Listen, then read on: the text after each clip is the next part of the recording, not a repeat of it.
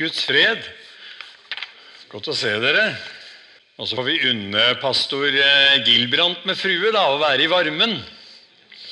Så jeg er også stand-in ja, da, for at han fikk litt ferie. Men vi har ikke så verst vær, vi heller. Men du verden for en vinter vi har hatt. Det har vært litt av en kjør, så jeg kunne ikke annet enn å ta med dette Facebook-klippet som kom på eh, min side da, her i vinter fra en Vestfold-nærradio. Og Der står det altså at eh, i Guds omsorg er dessverre avlyst i kveld pga. Av vær- og veiforhold.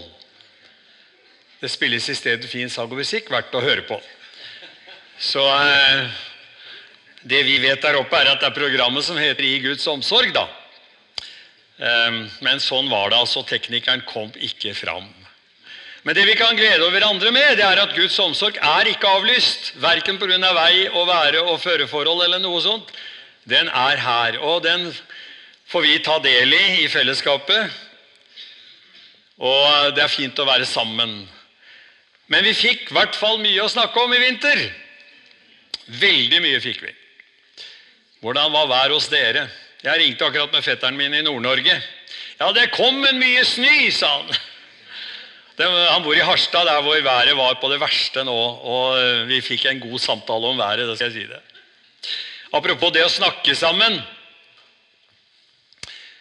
Jeg har lyst til å si litt over et tema som vi finner i Galaterbrevet. Det sjette kapittel og andre vers. Bær byrdene for hverandre og oppfyll på den måten Kristi lov. Det er en bærende tanken som jeg hadde lyst til å dele med dere litt om her i formiddag.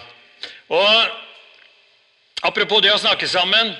Den tyske filosofen som heter Jürgen Habermas, som har betydd mye for mange, vet vi, og han har sagt en gang at hvis man ikke har en felles samtale, har man heller ikke et felles samfunn. Det er verdt å tenke over. Vi lever i en ganske polarisert virkelighet hvor vi sitter på hver vår tue. Sjekk bare innleggene på sosiale medier. Eller vi sitter på hver vår fjelltopp ofte og snakker forbi hverandre veldig ofte i vår tid. Og hvis samtalen mellom mennesker forvitrer, sier han da, da forvitrer også samfunnet. Eller sagt på en annen måte snart det eneste vi ikke kan laste ned på en app, det er det vi gjør akkurat nå. Å komme sammen. Være sammen. Det kommer vi aldri til å kunne laste ned. Derfor er dette så viktig, enten vi samles i smågrupper eller i fellesskapet eller i familien, eller det at vi er sammen, og at vi har en felles samtale, så vi kan snakke sammen. Jeg hadde lyst til å vandre litt sammen med dere rundt i apostelgjerningene, og vi kan lese sammen ifra apostelgjerningene 2, vers 42-47. Det er en rapport fra den første menighet. De holdt seg trofast til apostlenes lære og fellesskapet, til brødsbrytelsen og bønnene. Hver og en ble grepet av ærefrykt, og mange under og tegn ble gjort av apostlene. Alle de troende holdt sammen, hadde alt felles. De solgte eiendommene sine og det de ellers eide, og delte ut til alle ettersom hver enkelt trengte det. Hver dag holdt de trofast sammen på tempelplassen, og i hjemmene brøt de brødet og spiste sammen med oppriktig og hjertelig glede de sang og lovpriste Gud og var godt likt av hele folket. Og hver dag la Herren til nye som lot seg frelse, altså inn i dette fellesskapet. Vi kan vel si at dette her var veldig unikt og veldig spesielt. Kanskje vi også kan si at det er uoppnåelig å ha det sånn som de hadde det. Men kanskje også kan, være, kan det være et eksempel på hva det er mulig å strekke seg etter, eller hva som er mulig der hvor Guds ånd er virksom mellom oss. I den første menigheten hadde de fire grunnpilarer, vet vi. Det var Bibelen, altså apostelens lære. På norsk har vi fire b-er. Bibelen og bønnen og brødsbrytelsen og brorskapet. Eller samfunnet, fellesskap. Men jeg har fire andre b-er som jeg hadde lyst til å kretse litt rundt idet vi går rundt i apostelgjerningen og den første menighet. Og De fire b-ene er bagasje, ballast, beredskap og bølgelengde. Eh, Det er jo bare for at du skal ha noe. Bagasje først. Det er det vi bærer med oss. Det er det du har med deg hit. Kanskje bare en håndveske, kjære kvinne. Og, eh, men det er det vi har med oss når vi er på tur. Når du skal reise langt, så har du mer bagasje. Reise kort, så har du mindre, men du har bagasje med deg. Men det er også et uttrykk for livsbagasjen som vi bærer med oss. Vi har med oss noe i vår historie, og dess eldre vi blir, har vi gjerne mer bagasje. Den første kristne menighet som vi leste om herifra, apostelgjerningene 2, var et tverrsnitt av befolkningen, helt sikkert. Sånn som det er, vil være i enhver sammenheng. Et tverrsnitt av befolkningen. I den menigheten var det noen som var rike, som hadde mye. Kanskje de hadde vært flinke og forvaltet noe. Kanskje de rett og slett hadde arvet og ble født med en sølvskje i munnen, som vi sier. Og de hadde mye, og derfor også mye bagasje. Mye god bagasje. Men av og til kan jo det å eie mye også skape en del eh, bekymringer. Andre i den menigheten hadde veldig lite. Noen hadde faktisk ingenting. Men det er også en bagasje. En bagasje av skuffelser, kanskje fordi livet hadde gått dem imot. Eller kanskje fordi de hadde fått en dårlig arv. Kanskje bitterhet over tidligere tiders forvaltning. Enten man har mye eller lite, så kan man ha bagasje knyttet til det. Og det de gjorde da, i denne første menigheten, det var at de delte. De delte alle ettersom hver enkelt trengte det. De som hadde mye, ga til de som hadde lite, så det jevnet seg ut. Dele bagasje, det er fint, og det er bibelsk. Bær byrdene for hverandre, og oppfyll på den måten Kristi lov. Har du lyst til å være litt lovisk? Syns du det er for lite lov i forkynnelsen for tiden? For mye nåde nå? Du savner litt av reglene, kanskje? Det er et veldig godt sted å begynne hvis du savner litt lov. Hvis du bærer andres byrder, så har du til og med oppfylt Jesu Kristi lov. Så det må jo være enestående, vel. Bær hverandres byrder. Det gir oss inngang til det neste punktet mitt. Ballast. Hva er ballast for noe? I motsetning til bagasje. For bagasje, det er det vi bærer. Men ballast, det er det som bærer oss. Det er det vi blir båret av. Det ligger nederst som en tank i båten. Det holder båten flytende eller i balanse uansett vær og føreforhold, holdt jeg på å si, vær og vind. Det er det som bærer oss. Den eh, kjente presten som er med Egil Svartdal på plussord, som heter Sunniva Gylver, hun har sagt noe veldig fint om det. Utfordringen i livet er å konvertere bagasje til ballast. Det er egentlig veldig fint sagt. Altså flytte fra hodet, fra lære, fra også, for vi bærer også en kristen lære med oss.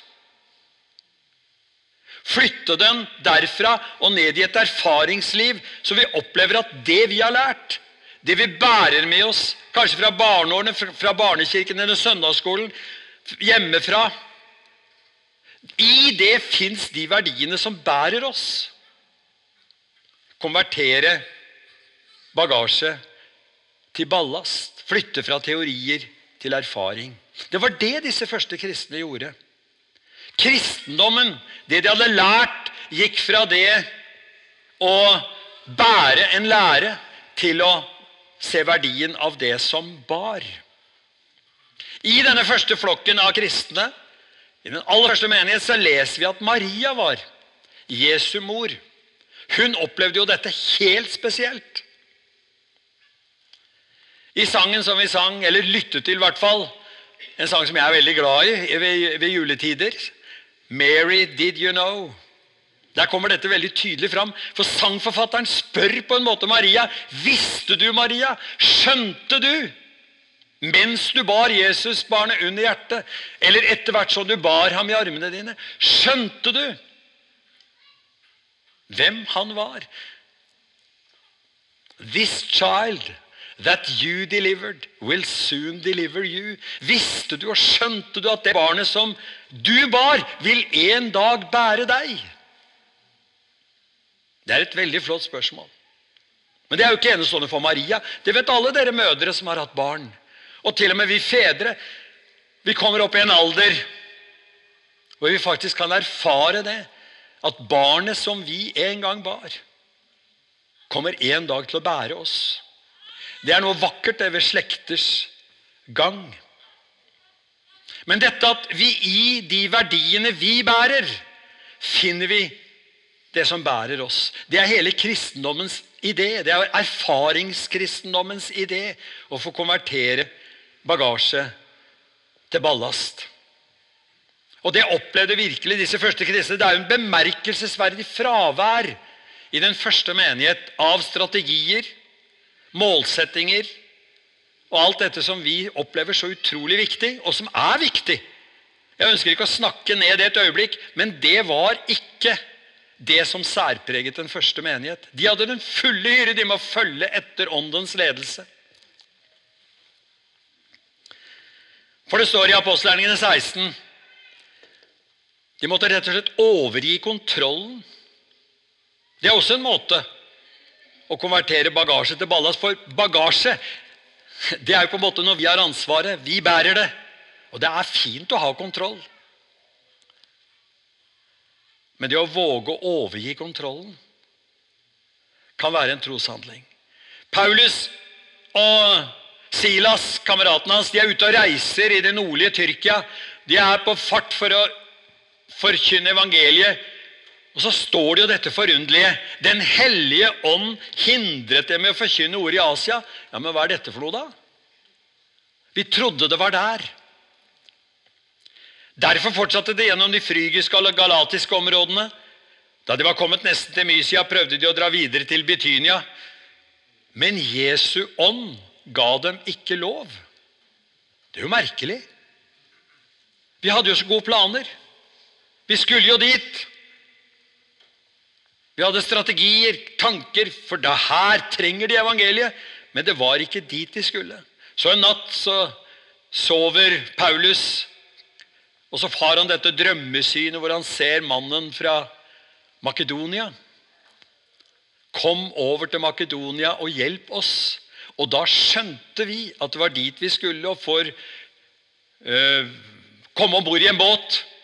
Sannsynligvis med ballast i tanken. Og kommer som de aller første misjonærene til Europa.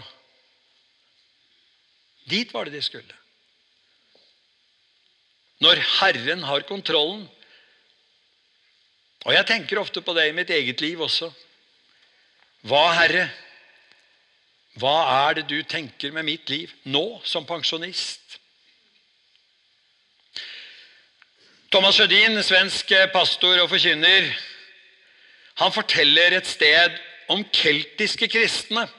Altså de som eh, kommer fra Irland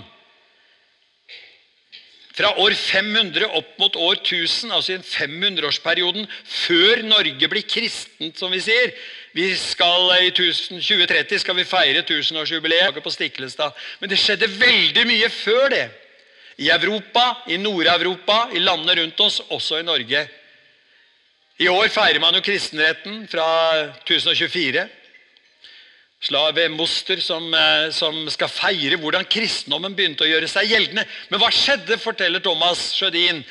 Jo, i denne 500-årsperioden så reiser disse kristne som har møtt evangeliet, som misjonærer, evangelister, i små båter rundt i Europa.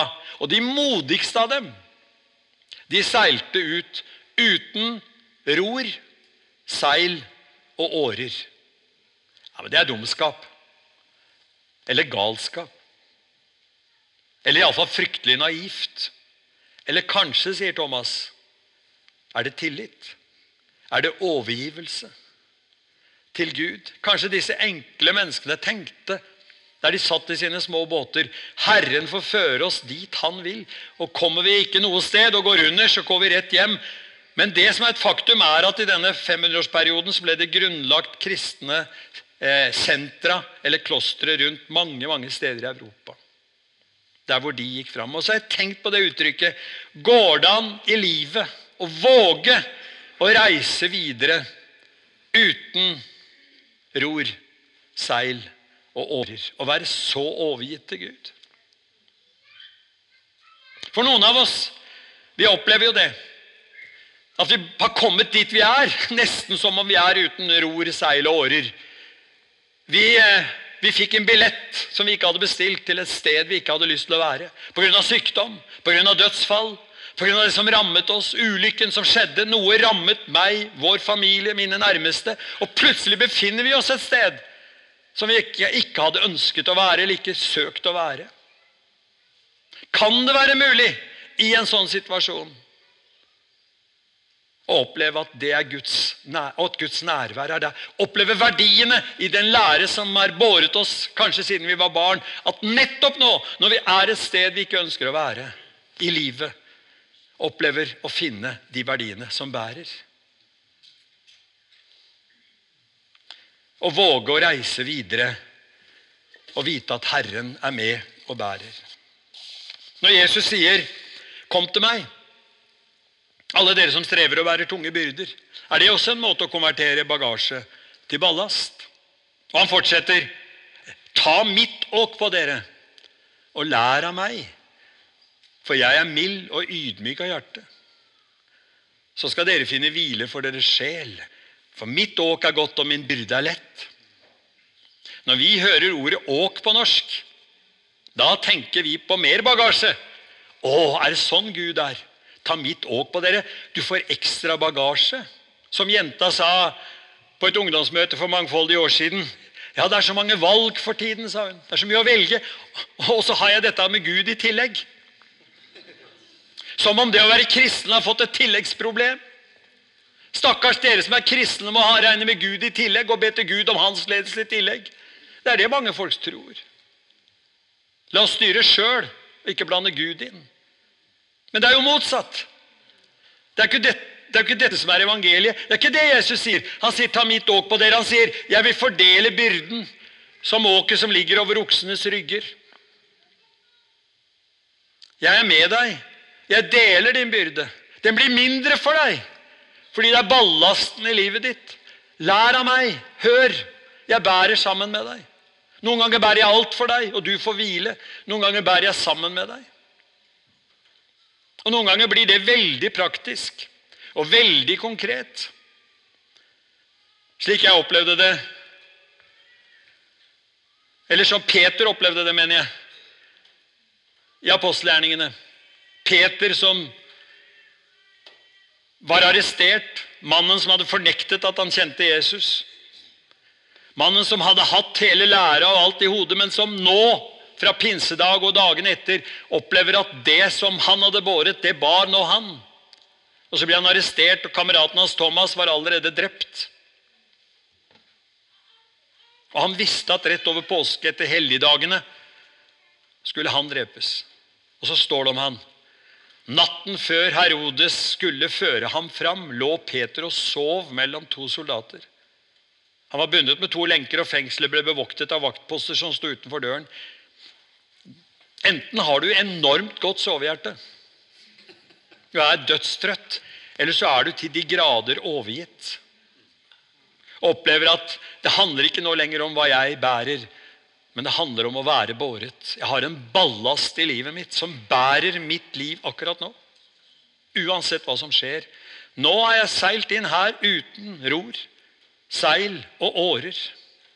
Det har ingen kontroll, men jeg sover.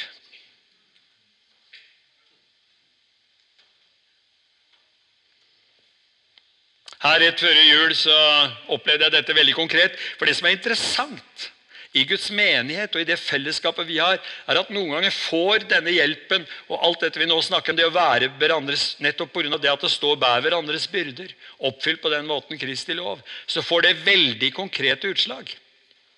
Så vi bærer hverandre. Jeg skulle fra Sandefjord til Ålesund på noen møter fra torsdag til søndag. Og til Gardermoen, og jeg hadde mye bagasje. Bokstavelig talt mye bagasje, for en del skulle av i Oslo.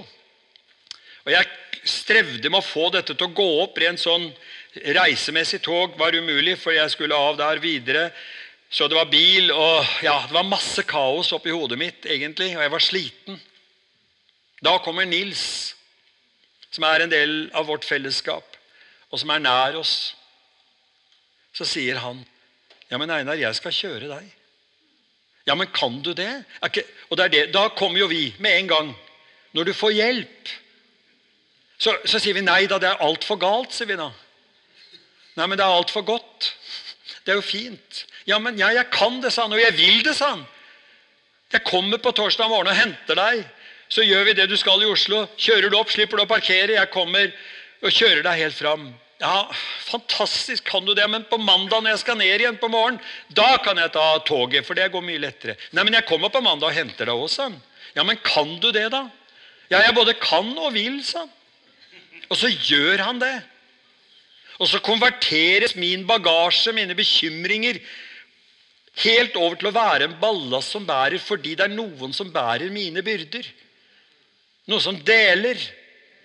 Og når jeg kom ut av avgangs, ankomsthallen på Gardermoen med min trillende koffert, og døren gikk opp, og det står en bil utenfor, og døren står oppå, og, og dette var jo kaldt, eh, men bilen var varm Jeg kjente meg som en diplomat. Og sovnet i bilen. Og, og jeg tenker at sånn er det. Bær hverandres byrder og oppfyll på den måten Kristi lov. Bagasje til ballast. Den tredje ben min det var beredskap. Hva er beredskap for noe?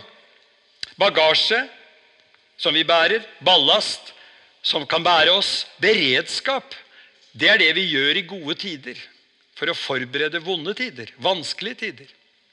Det fins militær beredskap. Det fins beredskap du skal ha i kjøleskapet eller i kjelleren. Mat, ved, et eller annet som du må skaffe deg. Eller vann, for den saks skyld. Hos oss i Sandefjord så gikk vannet, forsvant vannet i hele vår bydel bare for 14 dager siden. Vi skulle legge oss om kvelden, og vi dro opp krana og skulle pusse tenna. Og der pipla det så vi fikk fylt akkurat slutt. Og Vi tenkte det er noe gærent hos oss, men så fikk vi rapport om at det var hele bydelen. Og Da er det kaos. Vi hadde jo ingen beredskap. Og Så kom det tilbake, og så måtte vi koke vann en uke, og så var det masse styr. Men det viser hvor sårbare vi er. Hvor sårbare livene våre er. Tenk om strømmen skulle gå! Vi, er, altså, vi lever i et så utrolig sårbart samfunn. Den samme Sunniva Gylver som eh, siterte i stad. Og Dere legger jo merke til nå at nå, jeg, nå tar jeg kildeanvisning. Jeg er så livredd for dette med plagiat, så Håper dere legger merke til det. altså. Hun har også sagt noe veldig fint. Hva med å bygge en eksistensiell beredskap? Hun sier også vi er gode på å ruste oss for så mye her i livet. Vi forsikrer oss, vi bygger opp lager av det vi trenger mest. Men når det gjelder det dypeste i oss, det vi alle vet skal skje, så blir vi så tomme for verktøy, tomme for ord og ritualer. Og det er sant. Vi er ikke vant til å ha det vondt her i landet. Ting skal gå på skinner. Det er andre land som har krig. Det er andre land som har det vanskelig. Vi er kanskje ekstraordinært sårbare i vår del av verden. Og så hender det at vi får en billett vi ikke har bestilt, til et sted vi ikke ønsker å være. Det er det alle flyktningene får. De ville ikke være flyktninger. Men de står med billett i handa de ikke hadde tenkt. Det var ikke noe drømmereise til et feriested. Det var til et annet land det egentlig ikke ville være. Og sånn rammer livet. Og Den eksistensielle beredskapen handler jo da om at vi må kunne snakke om det livet rommer, før livet rammer. Det er kanskje rett og slett snakke sammen. Eller våge å være ærlige. Ærlige om livet. Det gode liv er ingen selvfølge. Vi er sårbare. Og tenk på Paulus. Han som eh, var utsendt, dro rundt i Europa, kom til Efesus, og det ble vekkelse. Det var helt fantastisk for ham. Det var en åpenhet der fra de begynte å undervise. og måtte ha vært massevis av mennesker som kom til tro i denne handelsbyen, karavanebyen, hvor folk reiste igjennom også. Stor by. Masse mennesker.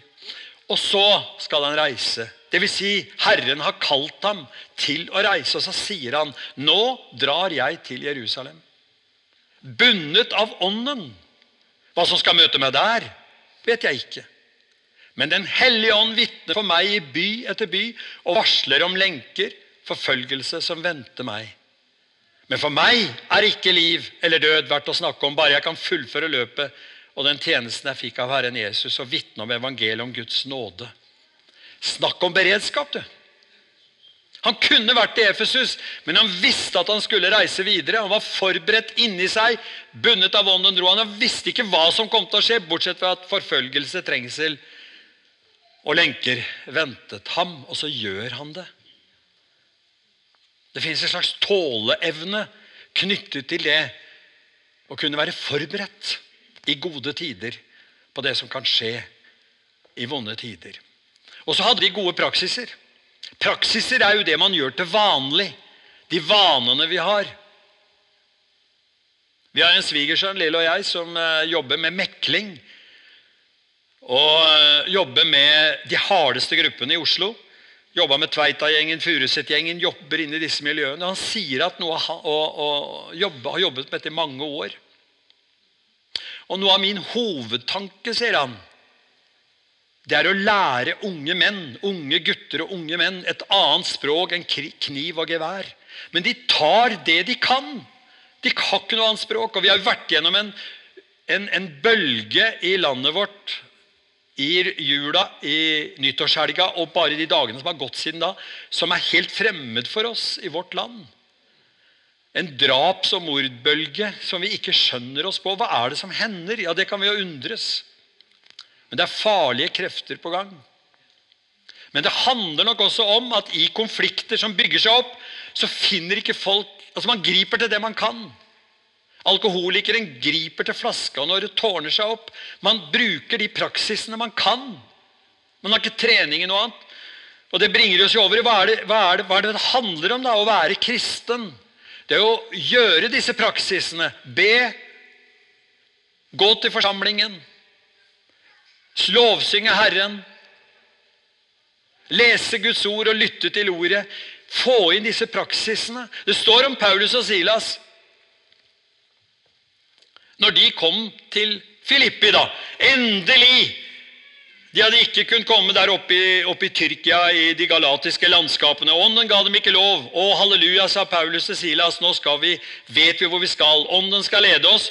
De seiler over og kommer til Filippi og havner i fengsel. Ja, men kjære vene Var ikke dette Guds ledelse, da?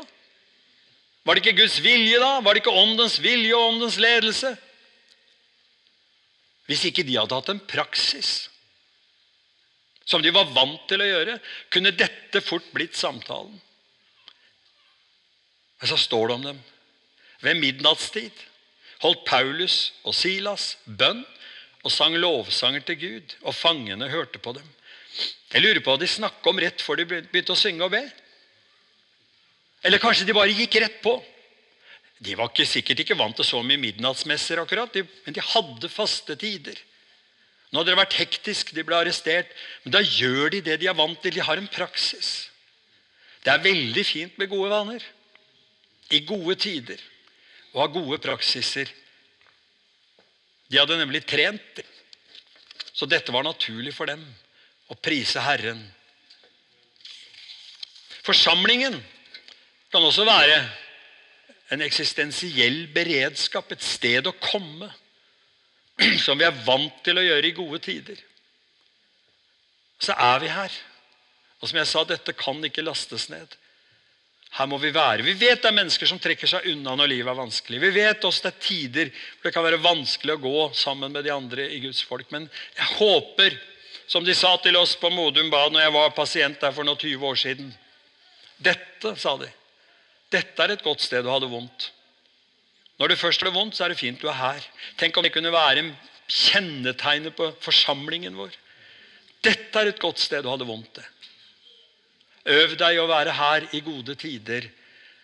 Det kan være nyttig, det kan være godt når livet blir vanskelig. Thomas Sjødin, som jeg siterte, han har også sagt noe fint om en matematikk som virker helt ulogisk, men som eh, er sann. Han sier at i forsamlingen, eller mellom mennesker som møtes og deler, så er eh,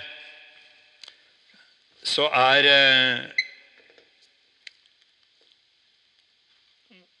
troen sterkere enn vår evne til å opprettholde den. Troen er sterkere enn vår evne til å opprettholde den, sier han. Altså, vi tror sammen. Og i apostelgjerningene tredje kapittel der står det om den lamme mannen som lå ved døra, eller ved, ved porten. Og så kommer eh, Paulus og Johannes nei, Peter og Johannes forbi. Og Så håper han å få noe av dem, men han sier sølv og gull har jeg ikke. For de hadde jo delt alt, vet du, så de hadde jo ikke penger igjen. Han hadde jo bare rista lommeboka si og så delt ut, så alle hadde jo alt felles. Så han hadde akkurat for tiden ingenting. han. Men så sier han, 'Det jeg har, det gir jeg deg'. I Jesu Nazarens navn står han sin tro. Han tror på vegne av mannen og reiser han opp. Han sier ikke 'nå må du ha tro'. Han gjorde ikke det. Men det var tro i fellesskapet. Akkurat som det også var med de fire som bar vennen sin til Jesus. Da Jesus så deres tro, så gir han mannen syndernes forlatelse og reiser han opp. Det er en ufattelighet dette at det bor tro i fellesskapet. Troen vår er sterkere enn vår egen evne til å opprettholde den. Bagasje, ballast, beredskap og til slutt bølgelengde. Hva handler det om? Det er å være på samme frekvens. Det er å kunne snakke sammen og forstå hverandre på dypet. Husker dere tilbake på radioene når vi skrudde og fikk inn Oslo på langbølgen, og, og det skrapa litt, og vi var, så alle disse rare navnene på, på, på radioapparatet vårt. Det virker som det er 100 år siden. Barn og ungdom i dag vet ikke hva vi snakker om. Men det skjedde noe da når frekvensen fra de som sendte, møtte mottakeren. Og så var vi på samme bølgelengde. Det er noe veldig fint. De holdt sammen, hadde alt felles. De delte. Vi har et behov for å oppsøke mennesker og møte mennesker som er i nærheten av vår egen situasjon, ikke minst når livet er vanskelig. At man har den samme forståelsen, samme stemningsbildet inni seg. Det kan være vondt, men det er så godt. Det er en lettelse. Man lytter, man snakker, man lærer. Man gråter, man ler. Man rett og slett deler. Og så er det så veldig mye man ikke behøver å si når man er på bølgelengde. Det er så mye som er forstått. Jeg nevnte Maria, tenåringsjenta som etter at hun har møtt budskapet fra engelen Gabriel, reiser 15 mil fra eh, landsbyen Nasaret ned til Enkerem, en landsby rett utenfor nåværende Jerusalem. Reiser 15 mil, og det var langt den gangen. Reiser dit fordi der er det en eldre slektning som har samme livssituasjon som henne. Tenåringsjenta møter den 50-60 år gamle slektningen Elisabeth. Og når de møtes, så kjenner vi det når vi leser at de er så til de grader på bølgelengde. Det er verdt å reise et stykke for å finne det. Og Thomas Jødin han sier noe om eh, dette med en matematikk som egentlig ikke stemmer, men som er så sann allikevel. At mørke pluss mørke er lys. Ja, men det stemmer ikke. Når det er nedfor og har det vondt og snakker med en annen, så bare drar vi hverandre lenger ned i møkka. tenker vi. Nei, men det er jo ikke sånn. Ikke når du er på bølgelengde. Når du snakker med et annet menneske som forstår, og som sier jeg, har vært i nærheten av der du er', hva er det du opplever da? Det er, det er ikke fullt så mørkt lenger. Det blir lysere når vi er på bølgelengde. Når vi deler med en som forstår. Helt på slutten av apostelgjerningen, nå skal jeg slutte. Paulus ble arrestert på godt i Jerusalem. Bånd og trengsler og lenke ventet ham. Han ble ført den lange veien til Roma. Det var meningen han skulle dit. Han kom dit som fange. Kanskje han er sliten. Lang reise. De hadde vært gjennom et forferdelig, nesten et håpløs sjøreise hvor de holdt på å forlise alle sammen. Men så hadde ryktet gått inn til de nye kristne i Roma-menigheten. Og så står det så vakkert. Da søsknene der hadde fått høre om oss, så møtte de oss helt ute ved Forum Appi. Det er langt utenfor byen Roma. Og Tres Taverné, eller De tre tavernaer, betyr jo det. Altså en kafé. Langt der ute. Kanskje med et godt måltid mat. Og så står det Paulus takket Gud han så dem, og fikk nytt mot. De møttes på bølgelengde. De snakket om det som hadde skjedd, brevet fra Paulus som hadde nådd dem, romerbrevet. Alt dette snakket de om.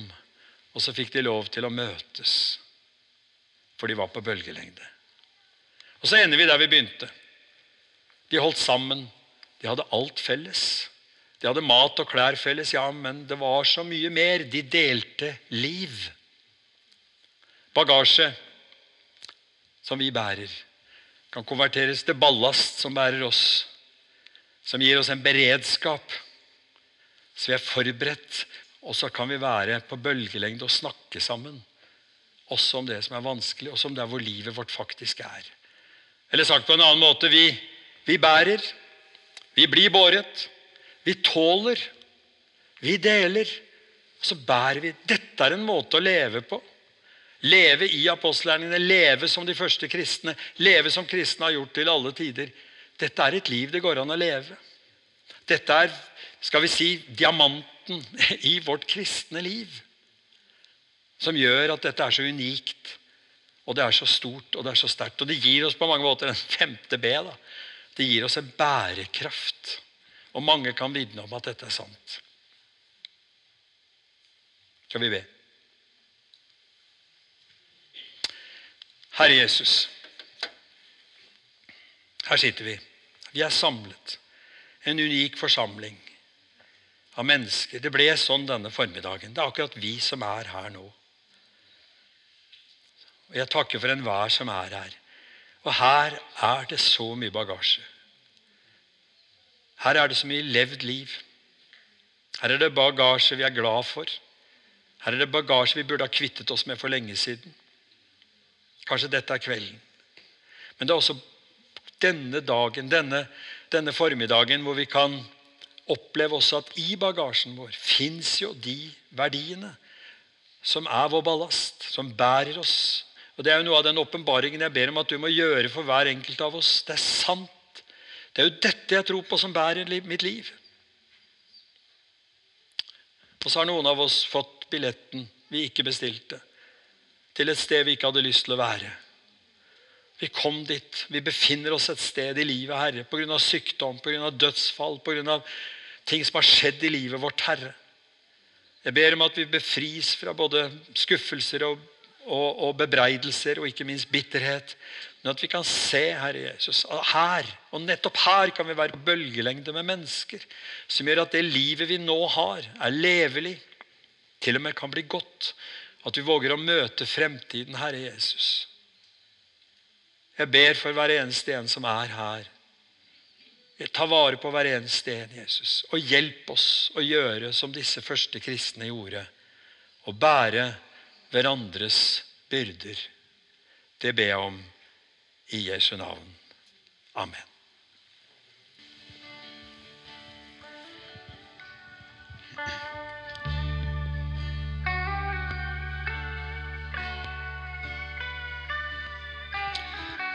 Lengsel og ære deg av hele mitt hjerte tilbe deg.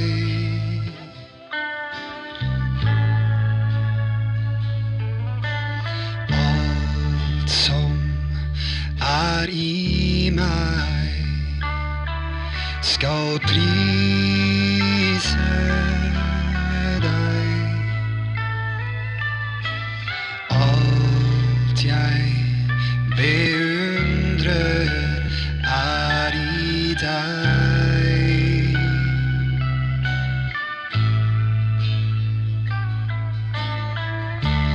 Gud, jeg gir deg mitt liv, mitt hjerte og min sjel.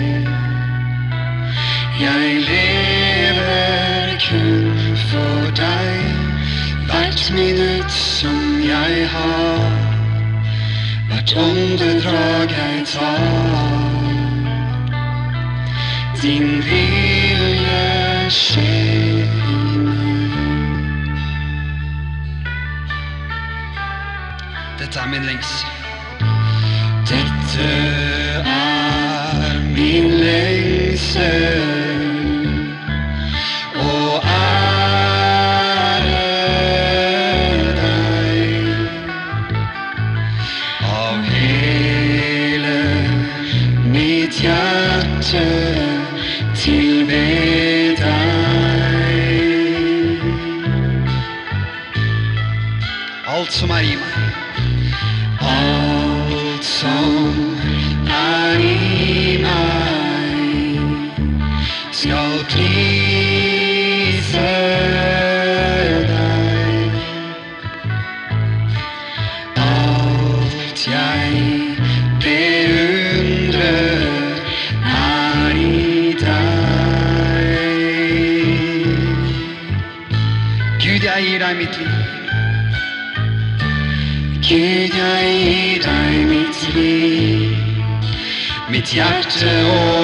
Min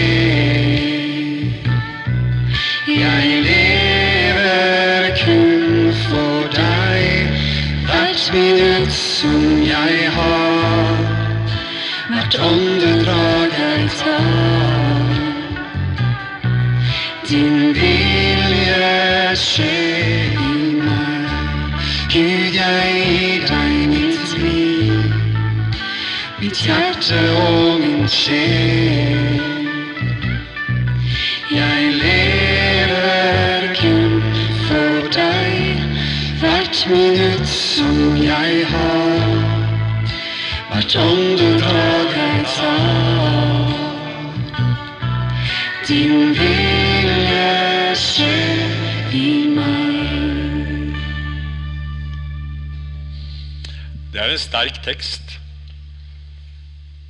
Dette er vår lengsel.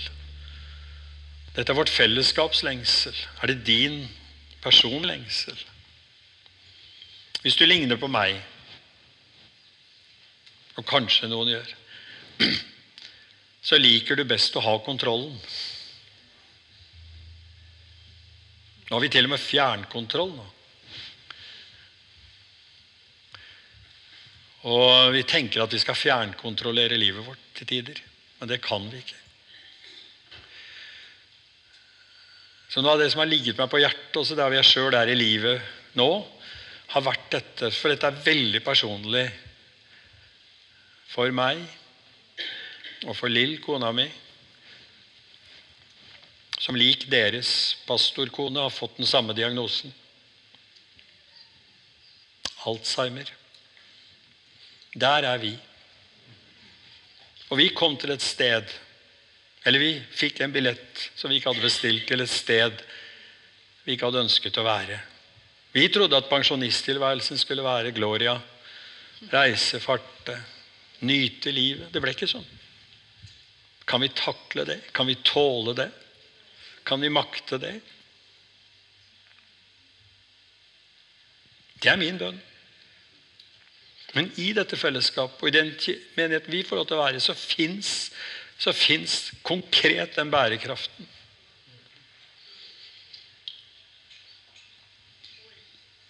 Hvis du kjenner deg igjen da er i ferd med å miste kontrollen, fjernkontroll. Hvordan skal livet bli? Her er vi en godt voksen forsamling. Men dette skjer jo i alle aldre. At livet rammer. Så jeg hadde bare lyst til fra mitt dyp av mitt hjerte å be en bønn for deg. At du ikke skal gi opp. At du skal se verdiene. Du skal finne det som bærer deg. Der hvor du er nå. Når vi kikker framover i framtidsvinduet, så ser vi ikke klart. Men vi er i Herrens hender den korte tiden vi skal være her på jorden. Og det fins jo et sånt, sånt vel, en sånn stor virkelighet over livene våre. Men vi har livet her og nå. Og vi er bekymra, og vi tenker så mye. Når du kjenner deg igjen i noe av dette Når jeg deler sånn, så kjenner jeg det går på følelsene løs. Det var ikke meningen å skru opp noen sånn følelsesgreie her, men om du kjenner deg igjen i noe av dette, kan du ikke løfte hånda di, så sitter vi her med lukkede øyne. og så Jeg har bare lyst til å be en bønn for deg. At vi ikke skal gi opp. At vi skal leve. At vi skal våge å møte livet og se at her og nå, og i den hverdagen du møter i morgen og alle dagene som kommer, så fins denne, denne læren, dette vi har sammen, det er det som også bærer deg. Jesus, du ser oss som er samlet her denne formiddagen. Og jeg ber Jesus om at du skal lytte inn, ja, se inn i dypet av våre hjerter. Det er sånn vi er, Jesus. Sånne som gjerne vil kontrollere. Sånne som gjerne vil vite. Sånne som tenker at vi har ordnet oss på alle kanter. Og så, så fikk vi billetten vi ikke bestilte, til et sted vi ikke hadde lyst til å være. Og så er vi der allikevel. Så ser oss som var på bølgelengde dette akkurat nå, og som kan kjenne seg igjen. Jeg ber Jesus Kristus om at vi skal finne den bærekraften i evangeliet og i fellesskapet som gjør at livet vårt ikke blir så mørkt, ikke blir så uhåndterlig, men at vi kan få leve det. At vi ser din vei der hvor vi er. Du kjenner oss alle sammen som er her. Jeg ber Jesus om at vi må ta vare på hverandre.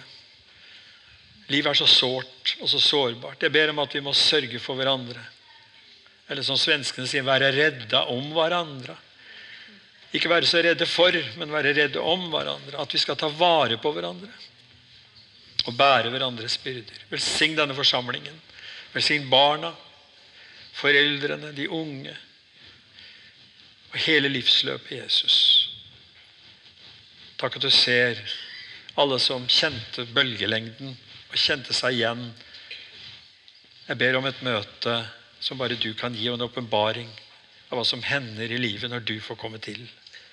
I Jesu navn. Amen.